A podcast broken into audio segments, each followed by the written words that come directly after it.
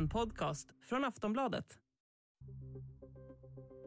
Det var i helgen som Turkiet började flyganfalla kurdiska mål i nordöstra Syrien och norra Irak.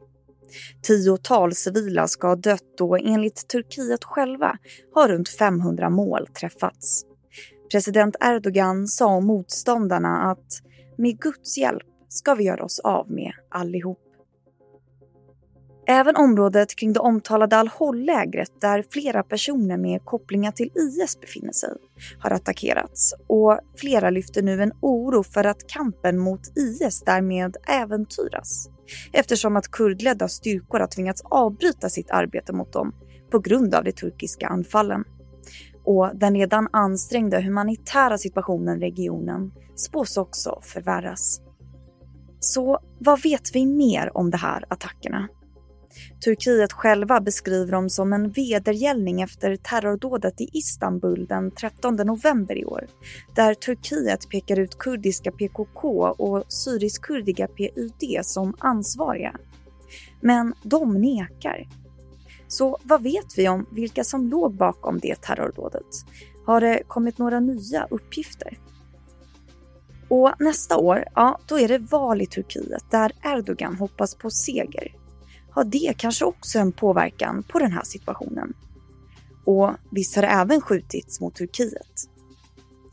Jag heter Vilma Ljunggren och det här är Aftonbladet Daily.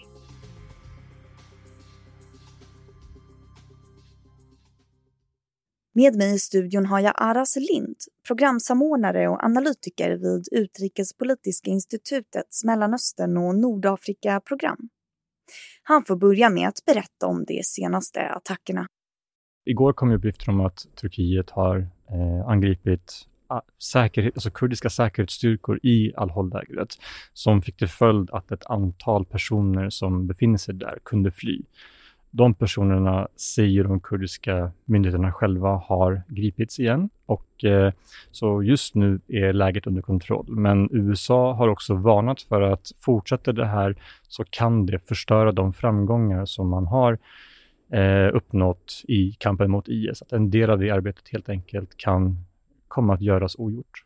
För att de här kurdiska styrkorna måste jobba med annat eller inte kan jobba på grund av? Ja men precis, precis. Jag menar de kurdiska styrkorna, de, dels har de ju en hel del kvinnor och barn i det här Al-Hol-lägret. Någonstans kring 50-60 000 människor beräknas befinna sig där. Och utöver det så finns det också ett antal fängelser med, med personer som har stridit för IS som sitter där. Och eh, även i anslutning till de anläggningarna förekommer det rapporter om att eh, de ska ha träffats. Eh, det har inte bekräftats så. Det är svårt att verifiera information som kommer härifrån förstås, men, men eh, skulle det visa sig vara sant så är det förstås ett, ett, eh, en farlig utveckling som riskerar att bidra till väldigt mycket mer oreda i den här regionen. Det finns ju även så kallade IS-svenskar i nordöstra Syrien, läger som drivs av det kurdiska självstyret. Och ända sedan Sverige eh, tog avstånd från PUD och YPG så har ju de sagt att Sverige borde hämta hem de här personerna. Kan det hända något nytt på den fronten på grund av de här eh, turkiska flyganfallen? Ja, men eh, det finns ju förstås en risk att människor som sitter i både fängelser och i läger, att de kan ta sig ut. Och vad det innebär kan vi förstås bara spekulera i och kring. Eh, PYD men, medordförande Saleh Muslim framförde till exempel igår i, i SVTs 30 minuter att man vill att Sverige ska ta ansvar för sina medborgare, men man öppnar också upp för, för eh, någon slags eh, eh domstolsprocess, en rättegång mot de här i, i, i självstyret så att säga. Och man vädjar också till FN att FN ska agera och man försöker ju förstås betona att det inte är en politisk fråga utan att det är en, en humanitär och, och rättslig fråga helt enkelt. Turkiet motiverar ju bland annat flygattackerna med att det skulle vara eh, PKK och PYD som ligger bakom det här terrordådet som skedde i Istanbul eh, i november. Vad vet vi egentligen om vilka som ligger bakom det här dådet? Ja, men som du säger så var ju Turkiet väldigt tidiga med att peka ut både PKK och PYD eh, som ansvariga för det här.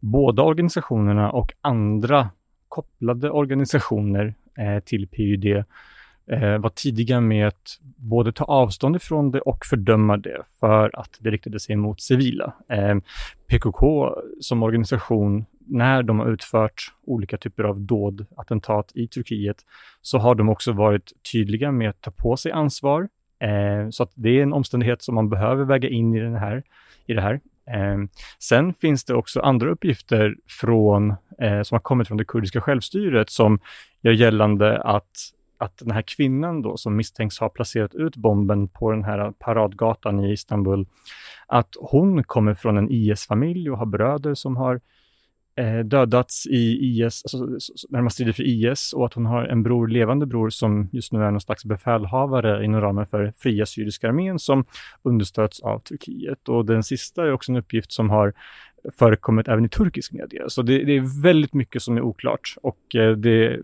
allt för tidigt för att dra några eh, slutsatser skulle jag säga. Baserat på det som är känt. Mm. Eh, Turkiet säger att de här flygattackerna var mot militära mål tillhörande terrorister.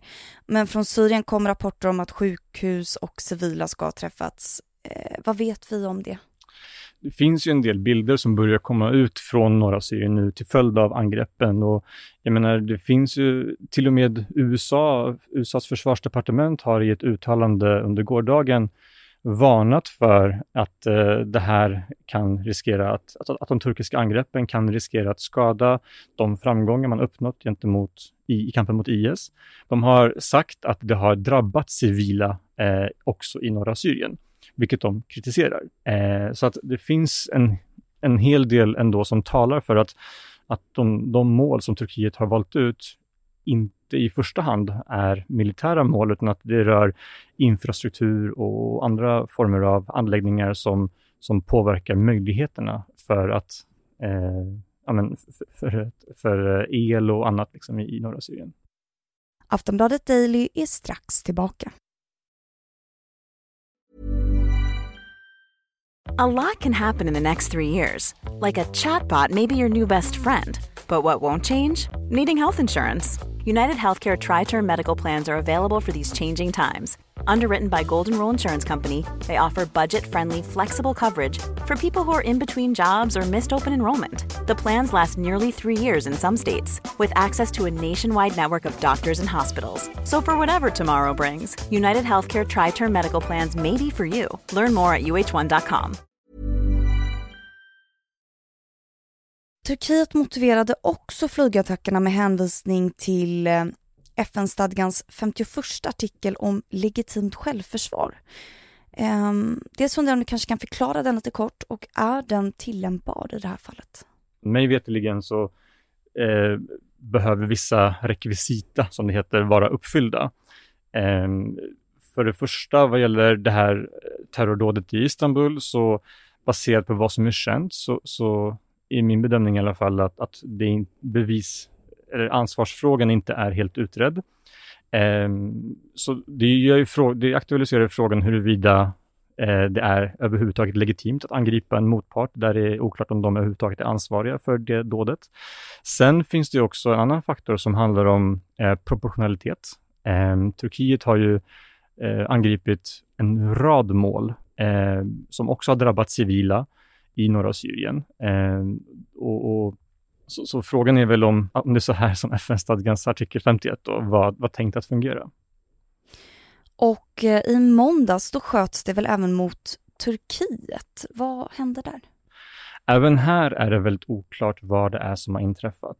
Eh, tittar vi på, på vad Turkiet säger så lägger de omedelbart skulden på YPG, medan företrädare för de här Syrienkurderna själva säger att de inte har med det att göra och att, att eh, de syriska områdena, alltså områdena på den syriska sidan om gränsen, eh, kontrolleras överhuvudtaget inte av Syrienkurderna där attackerna på turk, den turkiska sidan ska ha ägt rum.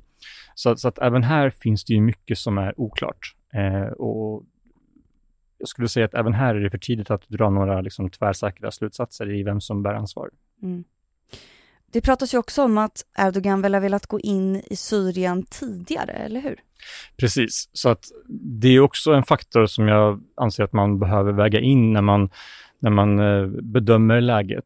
Ehm, för att Erdogan inte bara har sagt att han vill gå in i norra Syrien, han har även gjort det tidigare. Jag tror att det här blir, om de går in med marktrupper nu, så tror jag att det blir den fjärde gången. Det är nästan så att det är svårt att hålla räkningarna här. Eh, och eh, han har ju tidigare sagt att han har för avsikt att skapa ett säkerhetsbälte i hela norra Syrien ut med den turkiska gränsen. Och syftet med det, som han säger, är att garantera den turkiska säkerheten och eh, relokalisera eller, eller eh, i princip skicka tillbaka många av de syriska flyktingar som idag bor i Turkiet. Eh, kritiker menar att det kommer i sin tur påverka, till, påverka den demografiska balansen. Många av de syriska flyktingar som idag bor i Turkiet kommer från helt andra delar av norra Syrien och det här skulle egentligen bara eh, eh, Vissa menar att det är ett sätt att, att eh, underminera eh, det kurdiska självstyret, att förstås utradera det, men också att försvåra för, för nya krafter att, att eh, bli starka längre fram, så att säga. Mm. Det är också val i Turkiet nästa år. Hur påverkar det allt det här? Men det är också en alltså, oerhört central faktor som man inte kan bortse ifrån när man, när man tittar på det här. Eh, vi har sett liknande militära offensiver inför tidigare val och folkomröstningar i Turkiet. Eh, historiskt sett så har vi sett, och, och, det verkar vara fallet även nu, att, att eh, ett högt säkerhetspolitiskt läge med, med hög, hög spänning så att säga, eh, är eh, ett, en situation som som, man säger, som, som, skapar nationalistiska känslor, någonting som Erdogan sen spelar på i valrörelsen. Så att det är definitivt någonting som man måste väga in i det här. Det är ju liksom en del av hans stora politiska projekt att, att bli omvald på Turkiets 100-års eh, jubileum som är nästa år. Så det har en oerhört liksom, symbolisk betydelse. Och tittar man på opinionsmätningarna så, så går det inte bra för Turkiet. Mm. Man skulle kunna säga att, att Turkiet, det har spekulerats i liksom vilken väg Turkiet kan gå inför valet. Det finns två spår här. Det ena spåret är det vi just nu ser att, att eh, man väljer en konfliktfylld väg eh, där, där säkerhetsläget blir väldigt ansträngt och, och och som drar fördel av det i valrörelsen. Det andra spåret är att Erdogan kanske rent av eh, har övervägt att inleda en ny slags fredsprocess med PKK och nya förhandlingar, nya samtal. Det verkar vara uteslutet nu, men, men det som är tydligt här är att alldeles oavsett vilken väg Turkiet har valt så är eh, ja, men kurdfrågan alldeles central för, för Turkiets framtid. Och hur har omvärlden reagerat på de här flygattackerna? Det är också en väldigt intressant fråga. Eh, det kommer en del reaktioner, men de, jag skulle säga att de är betydligt mildare än vad de har varit vid tidigare tillfällen. Det kan bero på att Turkiet har en hållhake på NATO just nu till exempel, apropå att det är i Turkiets händer huruvida NATOs norra expansion med Sverige och Finland kommer bli verklighet eller inte. Men tittar man också på läget i marken, på marken eh, i, i norra Syrien så är det ju så att det finns olika, vad ska man säga, militära inflytandezoner i det här kurdiska självstyret. Eh, I stora delar av det här självstyret så är det idag Ryssland som i princip kontrollerar luftrummet och, och har eh, man på marken så att säga. Och i andra delar så är det USA som har det. Så det är ett väldigt liksom, avancerat eh, läge på marken här och, och eh, den här typen av attacker kan svårligen ske utan någon slags eh, koordinering med de här länderna. Det ligger ju i Turkiets intresse att på sikt eh, få bort USA från Syrien helt och hållet eftersom att eh, det, det, verkar som att Turkiet och Ryssland och Iran håller på och planerar liksom för regionens och kanske framförallt Syriens eh, framtid. Eh, det pratas om att Turkiet är på väg att närma sig Assad och Syrien igen. Det är någonting som Ryssland väldigt gärna vill se ska ske. Och så det bör nog förstås inom ramen för det här. USAs reaktioner har eh, visserligen i ett uttalande igår då från försvarsdepartementet, det var väl ganska kraftfullt, men, men annars så har de varit ganska otydliga i det här och det har ju träffat, alltså turkiska bomber har ju träffat mål i norra Syrien som har men, slagit ner bara ett par hundra meter ifrån amerikanska trupper vilket förstås också är väldigt allvarligt. Sveriges eh, NATO-ansökan har ju inte gått superenkelt med Turkiet. Eh, kan det försvåras ytterligare av det här senaste? Jag skulle väl snarare säga att det här är absolut inte en avgörande, men i alla fall kanske en liten bidragande konsekvens av det vi ser. Ehm, den svenska NATO-ansökan, min bild i alla fall, är att att det spelar inte så stor roll just nu vilka eftergifter Sverige gör eller inte gör. Turkiet kommer försöka maximera utfallet för sina intressen eh, och använda den svenska NATO-ansökan till sin fördel när det kommer till det här. De kommer använda den i, den, i valrörelsen. De kommer använda den för att försöka få någon slags eftergift från också andra NATO-länder, inte bara Sverige. Så att, så att Sverige, det, det, har väl ingen avgörande påverkan på det här, vad Sverige gör eller inte gör. Men det är klart att det är en väldigt skarp kontrast om man tittar på hur det lät för tre år sedan när Turkiet gick in militärt med marktrupp i norra Syrien. Då valde ju Sverige att avbryta sin vapenexport och man fördömde invasionen och sådär. Idag så, så är, är gensvaret ett annorlunda. Tonläget är, har uppenbart förändrats och det är ju någonting som, som eh, definitivt bör förstås inom ramen för den här NATO-processen. Hur tror du att det här kommer utvecklas framöver? Ja, men den alldeles avgörande frågan här är ju hur USA och Ryssland väljer att agera. Ehm, det här självstyrets framtid, det står och faller med deras godkännande, så att säga. Så att, så att jag skulle definitivt spetsa öronen och titta på vad de länderna säger. Eh, att Turkiet har för avsikt att gå in, det är väl alldeles uppenbart. Det är inte en fråga om, utan snarare när, om de lyckas få igenom det på något sätt. Eh, och eh, ja, vi får väl se hur, hur det utvecklar sig, men, men eh, definitivt så är det mycket upp till USA och eh, Ryssland i det här. Du har lyssnat på Aftonbladet Daily med Aras Lind, programsamordnare och analytiker vid UIs Mellanöstern och Nordafrika-program. Jag heter Vilma Ljunggren och tack för att du har lyssnat.